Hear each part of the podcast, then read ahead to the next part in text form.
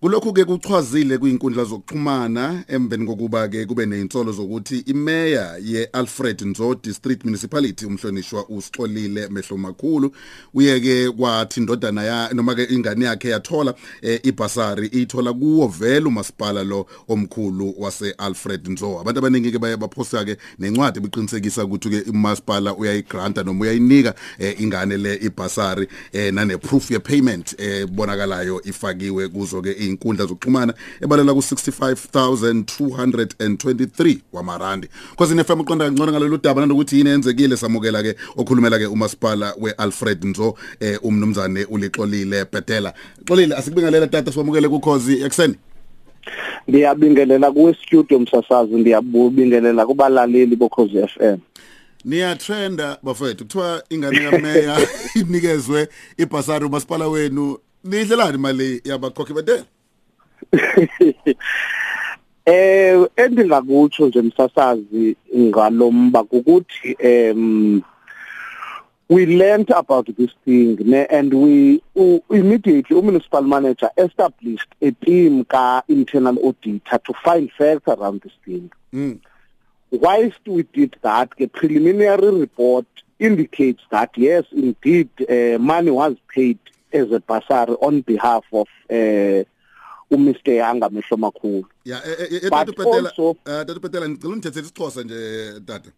Oh okay. Yes. but okunye ukuthi ke msasazi imali sikufumene ukuthi yabhatalwa eh ibasari egameni lika nomzana uyanga mehlo makhulu. Mm. but kwangamqhelo omnye utata executive mayor usibonise usinike ubungqina boba yena engu executive mayor utata mehlo makhulu. Uzibhatalele ngokwakhe ifees zomntwana wakhe une proof of payment eyakwa Nedbank neyakwa FNB ezibonakalisa idates awabhadala ngazo naye mm. so ufumana isibake kuya contractana okanye kambe iyaphikisana ezingxelo so sasibona sabumba ithimba emali sinike uphando lunxulumane nesikolo iVet University mm. nathi internal uba lisinike lo ngxelo eh into nje msasazi esingayiqinisekisa ngokuba uba kunokuthi kanti yenzekile lonto njengibonakala ngathi yenzekile eh whoever kuzofuneka irefundile imali kamasipala.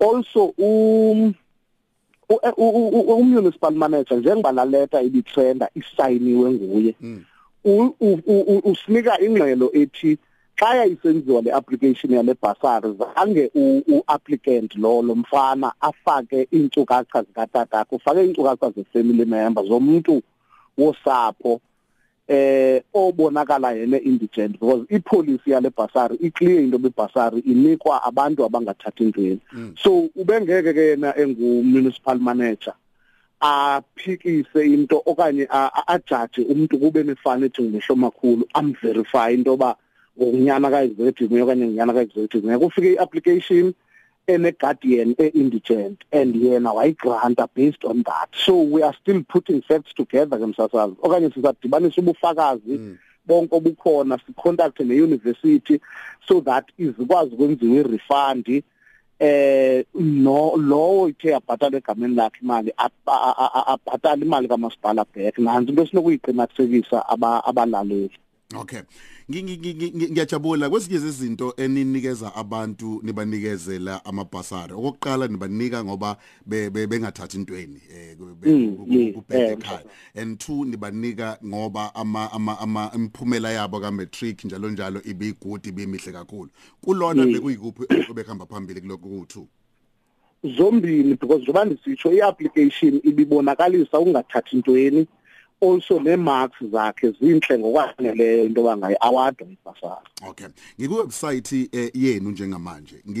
Uma ngibuka iwebsite yenu kwezinye zezinto ezifike zifunwe. Mhlawumbe siqale ngakho okufunakalayo. Kumele abe umuntu oseningizimu Afrika ahlale kwiAlfred Nzo abe phakathi kwa16 kuya ku35 eminyaka uqedile umatric njalo njalo. Kuyabonisa ukuthi akanayo imali njalo njalo. Angihambe ke ngiyobheka ezinye zezinto iwebsite yenu ekuvezayo. Ithi uma usubmitter usuyifakile iID wawafaka ama result khona into ethi faka iproof of residence from your ward councillor iward councillor ka mehlo makhulu ubabwakhe. So benisho ukuthi noma kuthiwa amafani ebefana izibongo ifana anikwazi ukubona ukuthi ubaba wakhe lo kuba nansi ward councillor iwuyena ubaba wakhe futhi? Ubaba wakhe akayo ward councillor baba ngu executive mayor not ward councillor i ward councillor ngo isemzimvubu phansi i-Alfred siyi district municipality inomasipala abaphansi kwayo abayi abayi4 hmm. ekungumzimvubu itabankulu iwini madikizela Mandela local municipality kunye namatatiyen so i proof of residence ayisayinwa ngumehlo makhulu isayinwa nguward councillor wasemzimvubu okay. Kwi kwi kwi kwinto ophinde uyifake futhi la uthi i proof of income efakiwe kufakwe aye kababa wakhe. Ewe baba. Ubaba mayikhuluma nengane ekhaya ithini ingane ithi kwenzeka kanjani ukuthi abhale mhlambe ugogo umeva mfakile e, e, e, engafaki uyena ewubaba wakhe umzalayo njengoba ngitshilo umsasazi utata executive mayor yena usibonakalisa usinike ubungqina boba uzibhatalele yena ifees zomntwana wakhe. So ubengenalwazi lo masipala obhatalele umntwana wakhe ifees but ubungqina bukhona boba ngenene umasipala uzibhatele ifees zomntwana. Yilento ke msasazi besithi ezingcelo ziyakhabana so sibumbe ithimba elizojongana nqakasana neenkcukacha lisinike ingxelo. Sizokwazi bake ngusingumkhandlu sithathe isinqumo sokuthi kwenzeka ntoni yintoni emayenzeka ukuya phambili. Hmm. ngoba yona into esime kuyo into ba imali lekamasipala kofuneka ibuyile nakanjani yona. Okay. Enye into engiyibukayo eh parents proof of income njengoba usuchila ukuthi kufakwe enye. Eh, nize nithi akube i-payslip eh, eh, yakamuva. Eh makuwukuthi uyasebenza i-affidavit uma kuwukuthi akasebenzi i-death certificate makuwukuthi usedlule yini ayifakile umfowethu lo um, um, um, umntwana? Yilento bendiyitsho ngomfowethu ukuthi le report bendikunika yona i-criminal report yi-report yethutyana. Sisalindele ingxelo epheleleyo kweli thimba sili establishileyo. Into balisinike inkcukacha ukuthi nabo ubungqina boba nansi affidavit eyafakwayo nansi intoni njalo njalo njalo. njengamanje awunayo idea noma iaffidavit efakiwe noma i death certificate. No no baba. Sisasi lithimba lethu elisenazo ezonkcukacha okay makukuthi mhlawumbe kufakwe i death certificate noma kufakwe iaffidavit ungangivumela mangithi unyana lo engahle kwenzeke ebhekane namacala because uqamba manga efungile? Obviously msasazi but okwangoku masingathi kukhona umuntu ozojeziswa ngoluphi uhlobo uqhambe amanga. Masilinde ingxelo iphume official ize kuthi sikwazi ukuyihlela ke ngokusingumkhandlo thina eh kamasipala. Mm Yo lolu daba libonakala eh lona luyindida eh mnumzana uPetela. Ngiyabuka nje ukuthi i motivational letter eh angakaboni ukuthi mhlambe ubani wayibhala yindida ukuthi sonke msasazi lento and isenza sibe newari because kaloku eh ithetha ukuthi kwenzeke into engafanelanga bayenzeke and izawusipela kakubi ebantwini lonto but kufuneka thina siqiniseke into ba mm. eh zikhona iconsequences zayo yonke lonto kuye. Nabani na othe wafumaneka enze urongo kulento nibuke uma ngabe kuyisimo esikanjeni yeni mhlambe ngokwendlela yenu eniqeqeshwe ngayo nibuke ukuthi hayi icorruption. Kwenzeke icorruption kule wafungwa. Injalo msasazi but like i'm saying njoba ndisitsho masilinde ingxelo. Thina sizawuninika ingxelo nonke ningonondaba eh we are very transparent kuyo yonke lento. Eh but asifuni kube sibe neposition ngoku. Ingxelo ikhuphe enye into ephikisana nale besiyinikeza iposition kamasipala ogqiba sizifumane eh sisengxabini Mhm. Sesiphetha nje baba siyafisa ukwazi ukuthi mhlambe khona yini isikhathi eningasibekela sona ukuthi kusuka manje kuya la sumasipala nakhe sizokwenza sizobuya ngesikhathi esiyukuthi kunina nokuthi mina ngikhathazekile ngalo wa 65000 ukuthi ngempela ukephi la ukhona ngoba ngikholwa ukuthi khona isikhungo kufanele sithathe imali times 2 mangabe mm. ukuthi ngalendlela enisho ngayo. Eh ingcelo befanele siyifumene before kutshona ilanga phezulu lomsasazi. Eh sizawuyifumana kwalapha evekini and ngalendlela besibuyele kuni ngayo nakulenye sizobuyela le into siyanithembisa msasazi anizusigoqa mm. nisigoqela impendulo ngoba nathi kuse kuku interest yethu kusemdleni wethu into yoba ibonakale lenyewe ixazululeka ngendlela engazubeka umasipala ichaphaza. Loba kukhona ukukhwabanisa kwemali kamasipala okanye kukhona ukungahambi kakuhle kwendlela yokusebenza kamasipala.